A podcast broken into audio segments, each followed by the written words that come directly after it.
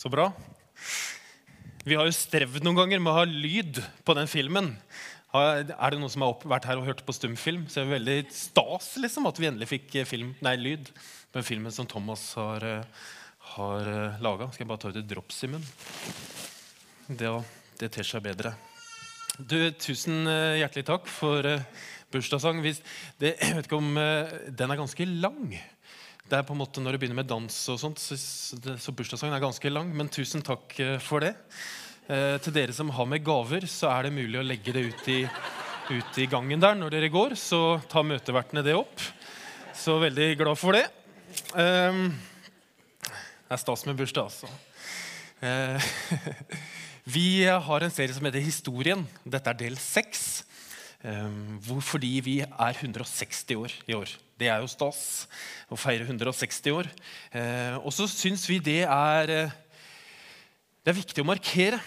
Eh, og det vi har gjort, er at vi har eh, de tre første søndagene så, så vi på disse tre gutta her. Det er Gustav Adolf Lammers eh, til venstre, og så er det Fredrik Fransson i midten, og så er det Frank Mangs til høyre.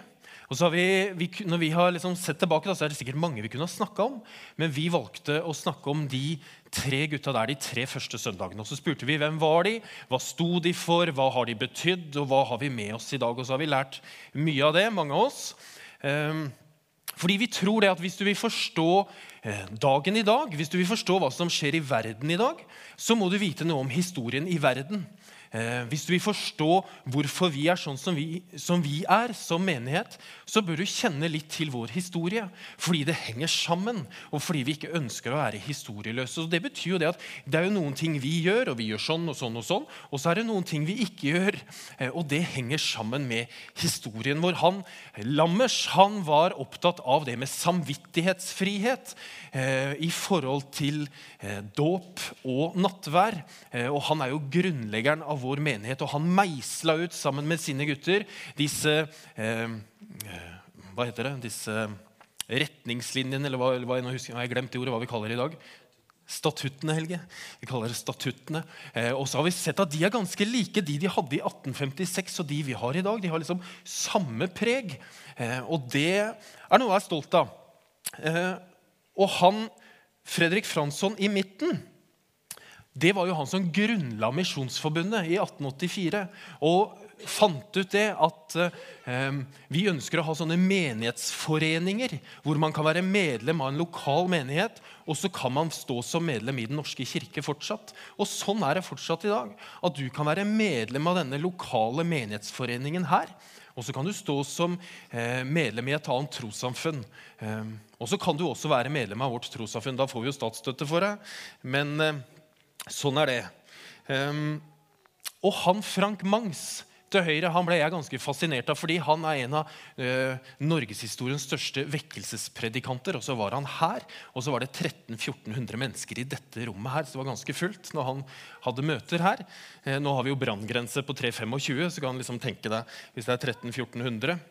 Men det han snakket om Han forkynte om Jesus, om korset, om nåde og om omvendelse fra synder. Og så hadde han en sånn livsnær forkynnelse. De snakka om at han var en sånn smertens evangelist. At han talte et språk som folk forsto. At han var konkret, poengtert, dynamisk og intellektuell. Og så var han kortfatta. Eh, og vi strever etter å være det, ikke minst kortfatta. Når vi For to uker siden så hadde vi eh, for det, Poenget med dette med at jeg drar opp disse, er at du skal se litt sånn sammenhengen. Eh, fordi vi har sett bakover på de gamle gutta. Og så tenk på vår menighetshistorie. Og så kom Jens Petter Jørgensen hit og hadde et seminar om når vår egen livshistorie, når vår egen tro eh, Hva slags spor setter den? Hva gjør vi med den sånn i vårt eget liv? Han hadde et fantastisk seminar her på lørdag eh, for to uker siden. Og så forkynte han på gudstjenesten på søndag i forhold til å søke til kilden og søke til Jesus. Viggo Klausen var her forrige søndag, eh, og det var helt fantastisk. Synes jeg, En, en fantastisk forkynnelse han hadde den søndagen om å bringe da vår egen livshistorie eh, og vår tro og bringe den videre og gå foran som gode eksempler og stå for det livet vi har levd, på godt og vondt, men verdien i å bringe det videre. Alle disse talene ligger på skjermisjonskirke.no og på podkasten vår, så du kan gå inn og lytte til de der. Eh, og det er det vel verdt å gjøre. Og så kan du lure på hva er temaet i dag, og det er litt sånn back to the future. Hvor går vi fremover? For nå har vi liksom sett bak, sett hva vi har med oss, og hva gjør vi nå? Um, og så er det sånn at uh, Hvis du kommer på medarbeiderfesten 1. mars Det blir mye reklame nå. Men hvis du kommer på medarbeiderfesten 1. mars, så skal jeg si Der står innkallen så står det at det er bitte, bitte litt seriøst. Og det skal jeg stå for. Og da skal jeg si noe om hva, hva må vi gjøre som menighet sånn driftsmessig, organisasjonsmessig, eh, strukturer og orden for å komme til den veksten som vi, som vi står egentlig midt i, men som vi også er på vei mot. Hva må vi gjøre da? Hvilke skifter må vi gjøre? Eh, det skal jeg snakke om på medarbeiderfesten medarbeiderfesten, men det skal jeg ikke snakke om nå. Fordi I dag så lurer jeg egentlig på når vi skal snakke om fremtiden og hvor vi går fremover, så lurer jeg litt på hva, hva mente Jesus om fremtiden? Var han, måte, var han, pessimistisk, eller var han realistisk, eller var han optimistisk? Hvilke råd gir han, liksom? Um, og så sier han noe om å bygge huset sitt på fjell. Og vi er jo 160 år. Det betyr at vi har en fortid. Og så er vi nå midt i vår nåtid, og så skal vi på et eller annet nivå fremover. Og det er sånn at du også står jo på det, og vi alle står på en måte på fundamentet av vår fortid. Med alle muligheter til å forme vår fremtid. Fordi denne dagen er jo forbi i morgen. Og da betyr det at vi bør jo bygge solid i dag, sånn at vi kan stå støtt når morgendagen kommer. Kanskje du er optimistisk, eller jeg vet ikke om han som laga det skiltet, er på en måte optimistisk eller pessimistisk, eller hva han tenker at du kommer aldri til å komme på jobb her. Eh, men kanskje du er den optimistiske typen som tenker at alt, er, alt ligger foran meg nå. Livet er helt supert. Kanskje du er nyforelska, eller kanskje har du kjøpt et nytt hus, eller kanskje har du kommet inn på et studie, og alt er topp, liksom. Og nå er det bare verden ligger for mine føtter, og jeg kan bare vandre rett i. Det er jo bare helt topp. Kanskje du er der. Kanskje du er du mer litt sånn realistisk eller pessimistisk. At det er sånn tro, håp og kjærlighet, men størst av alt er huslånet. Det er jo noen av oss som er der og tenker at, at huslånet det blei stort, gitt. Og det kan på en måte ikke bli verre enn det det er nå. Det, det kan jo det, men, men, men, nå er det skikkelig dårlig, og det, fremtiden ser forferdelig ut hvis man ser hva som ser rundt i verden. Det er jo bare triste ting på nyhetene, og, og så har jeg tatt noen prøver hos legen, og det ser skikkelig dårlig ut. Og kanskje noen du er tett på, ser det skikkelig dårlig ut. Og at livet akkurat nå er sånn pessimistisk, og det ser ikke noe særlig bra ut for fremtiden. Eller kanskje du er en sånn som setter opp litt sånn tydelig skilt, litt sånn realistiske skilt, for du vet hva som har skjedd før. Her står det 'Welcome to our ool'. Notice there is no P in it. Let's keep it that way. For du har på en måte, du har sett fortiden, sant? og nå, nå vet du hva som skjer. Og vi vil ikke ha, vi ha pi i poolet, derfor setter vi bare ull. Og så Kanskje du er den typen som liksom som, ja, det, Gjør jeg dette så, og legger til dette, så får jeg dette. Og Det er mange av oss som er sånn veldig realistiske og matematiske på det. Kanskje du også er den som forbereder deg godt, og så når det kommer til stykket, så blir det liksom bare helt feil. Altså, Jeg hadde laga så bra skilt om isbergsalat, liksom. Så kom han gjøken, og så la han brokkoli i det i stedet. Og så, det, så, tenkte jeg også, for at det, Man kan jo sette opp skilt. Og så av og til Når jeg ser noen skilt, så tenker jeg hva, hvorfor satte opp det skiltet? Eller hvorfor gjorde dere liksom ikke noe før det skiltet kom? At tunnelen mangler, liksom. Det er ikke noe tunnel. Det er kanskje litt seint å gi beskjed om det. Jeg vet ikke. Jeg vet ikke hva du tenker at Jesus sier om fremtiden. Vi vet ikke så mye om Jesus før han var 30 år. Vi har en kort historie fra når han er 12. Og så har vi noen, vi har egentlig en eneste setning om hva som foregår de nesten 18 årene, og den står i Lukas 2. Der står det at Jesus han vokste i visdom og alder og i velvilje hos både Gud og mennesker. Det betyr at han ble moden, han vokste i visdom, og han var til glede for Gud og mennesker. Og så tenker jeg at Hvis dette var viktig for han, for Jesus Kristus, som skulle bli den mest innflytelsesrike personen i historien, hvis det var viktig for han å vokse i visdom og bli moden og være til glede for Gud og mennesker, så tenker jeg da må det være viktig for meg òg. Da må det være viktig for oss som menighet. Og når jeg sier sånne ting, så er det av og til noen som sier men, men, men, men vi skal jo ikke, for Hvis du ser på neste verset nå gikk jeg litt fort, for hvis du ser neste verset, så står det også i apostlenes gjerninger at de var godt likt av hele folket. De var godt likt.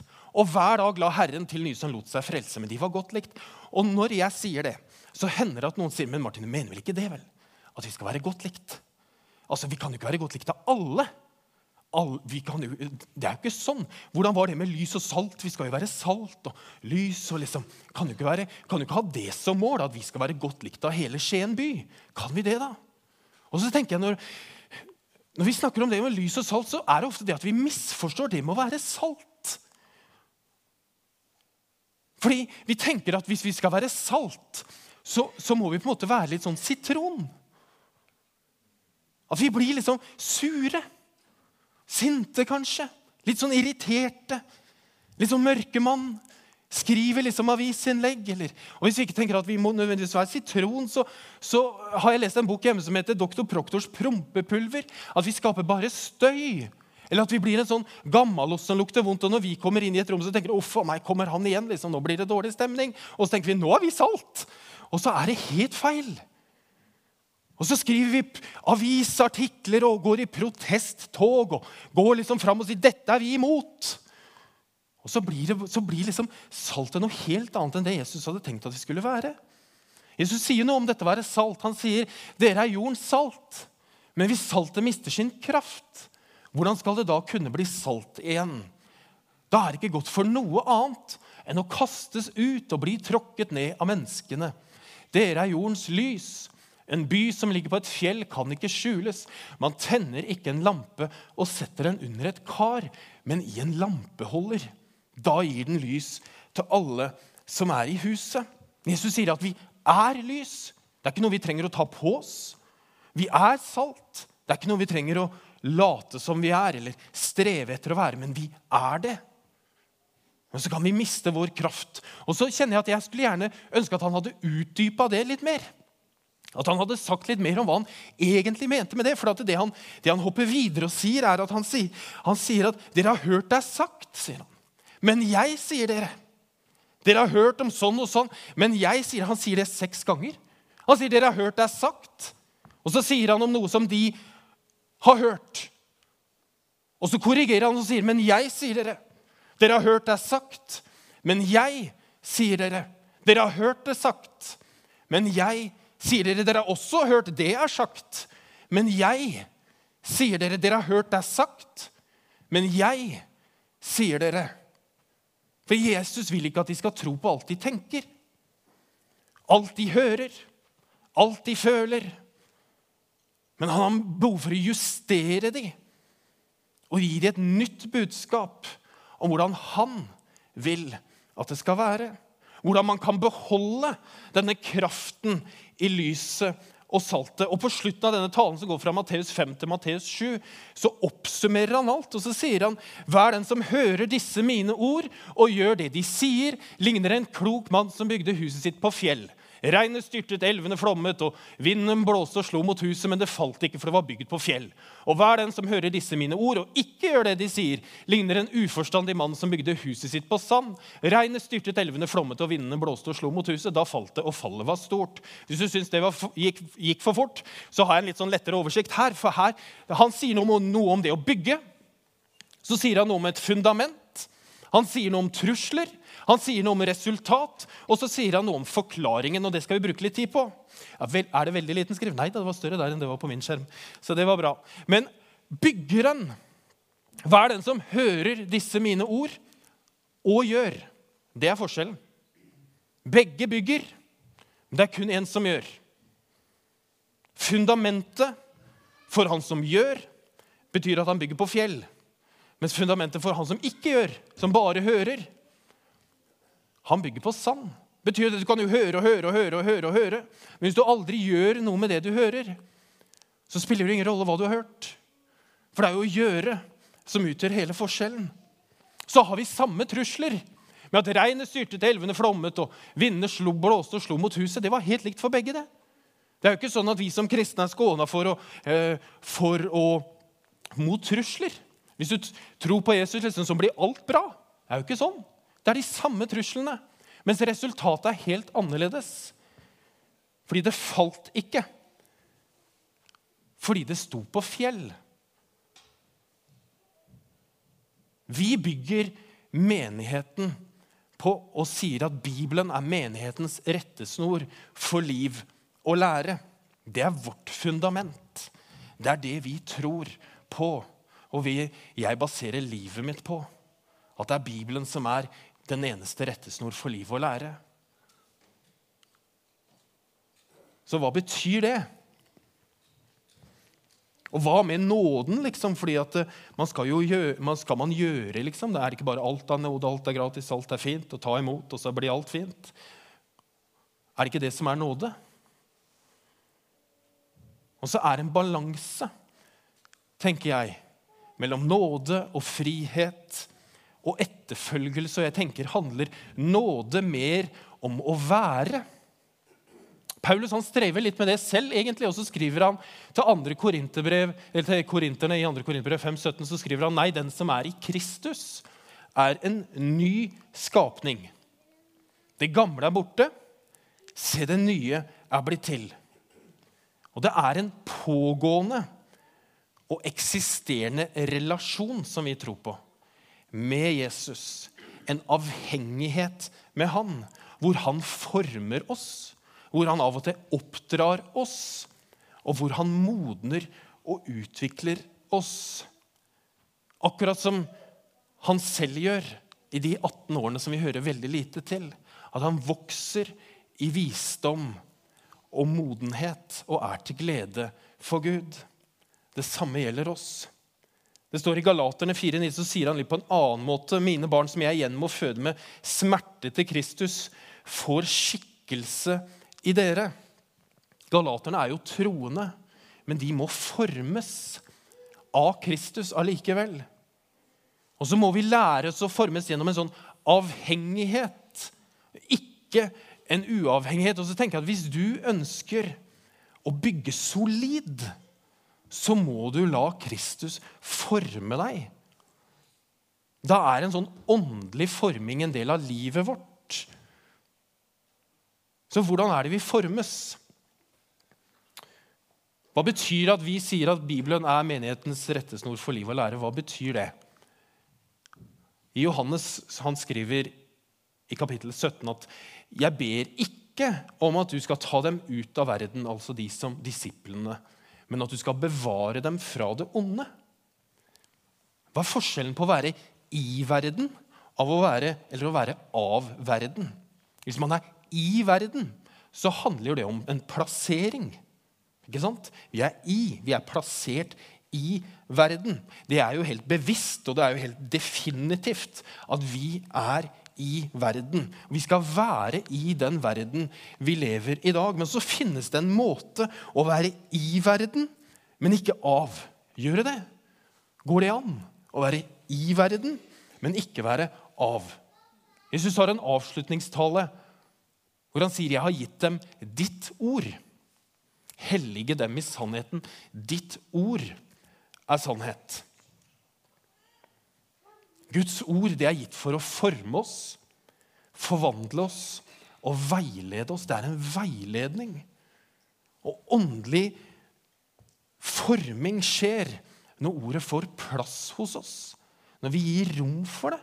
Når vi gir rom for å lese i Bibelen og rom for å være sammen med Gud, når vi går i smågrupper og når vi er på gudstjeneste, så gir vi Gud rom til å påvirke oss. Så blir jo vi påvirka av den kulturen vi lever i. Jeg står jo liksom til over nakkehårene til det. Men derfor trenger vi også å bli påvirka på en annen måte. At vi er så kloke og vise da, at vi tenker at hvis jeg skal eh, la meg forme av Jesus, så må jeg gjøre noe som er litt annerledes. Da må jeg ha noen ting som er litt annerledes, sånn at jeg gir han rom til å forme meg. Jeg ber ikke om at du skal ta dem ut av verden, men at du skal bevare dem fra det onde. Jesus elsker jo verden og vil at vi skal være midt i verden, plassert i verden. Han ønsker jo ikke at vi skal isolere oss her og være vår egen klubb og ha det fint og, og koselig og spise lefser og drikke kirkekaffe. Og, og det. Han vil jo ikke det. Han vil at vi skal ut i verden, for han elsker jo verden. Og han er i verden. Han ønsker at vi skal være der for å være gode lys og salt. Sånn som vi er. Sånn at vi lever attraktive liv. Som gjør at folk kan se hva det de har. Og så kan vi peke på, på Jesus. Så jeg tenker, Da må vi være gode lys og salt. da.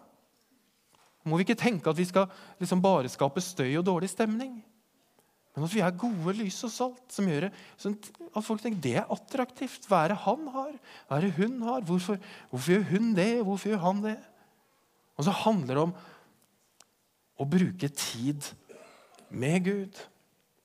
Og så kan jo vi møte mange utfordringer og mange vanskeligheter. Så kan vi jo bli redde for mange ting. Og så er det et bibelvers som jeg leser feil hver eneste gang jeg leser det. For det står 'La ikke deres hjerte forferdes'. Tro på Gud og tro på meg. Jeg leser ofte 'La ikke deres hjerte forherdes'. Sånn at jeg blir kald og hard og tenker at 'jeg har det bra her jeg har det'. Det er fint nok for meg. Da klarer jeg det. Da mestrer jeg livet. Da mestrer jeg, Hvis jeg greier å holde liksom skjoldet ned eller gardina nede, liksom, så da går det bra. Da skal i hvert fall ikke noe av dette vonde ramme meg. Men det er nesten, en, nesten like vanskelig. tenker jeg. La ikke deres hjerte for, forherdes. Men det står jo 'la ikke deres hjerte forferdes', og det er jo et grusomt gammelt år. Men la ikke bli redd, liksom.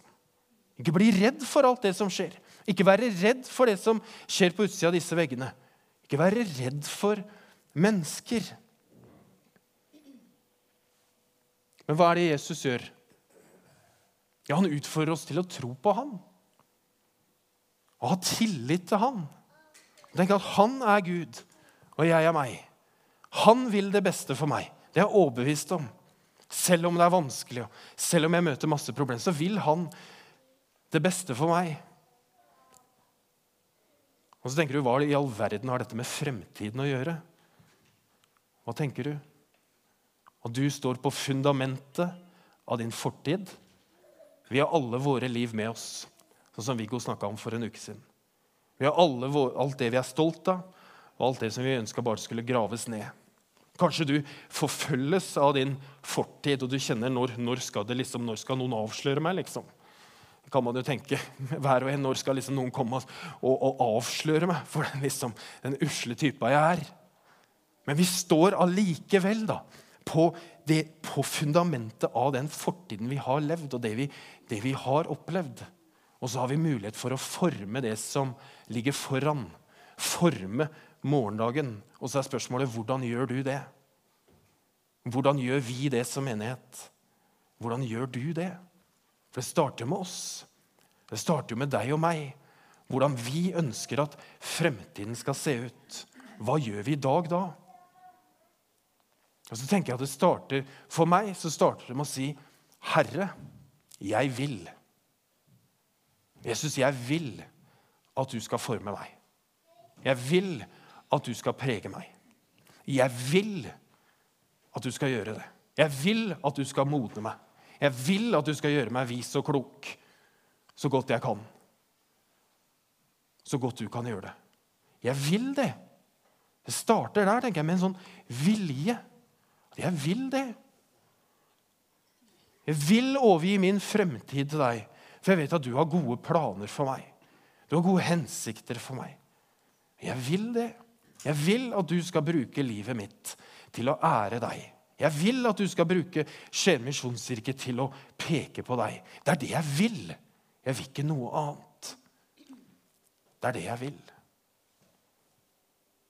Skal vi be en bønn? Skal vi synge litt sammen etterpå. Herre, takk for at du har gode planer for oss. Takk for at du vil forme oss. Takk for at du vil oss det gode. Du vil oss du vil ha oss tett knytta til deg. Så kan vi møte masse vanskeligheter og masse problemer og masse utfordringer. Men du er nær, midt i alt. Og så vet du hvor vi kommer fra. Du vet fortiden vår. Og så ber vi, Herre, om at du former oss for fremtiden. At du modner oss. At du rydder litt opp i livene våre i dag, sånn at vi kan stå støtt i dagene som kommer. Det ber vi om. Skje din vilje, Herre, i våre liv og i menigheten. Det ber vi om. I Jesu navn. Amen.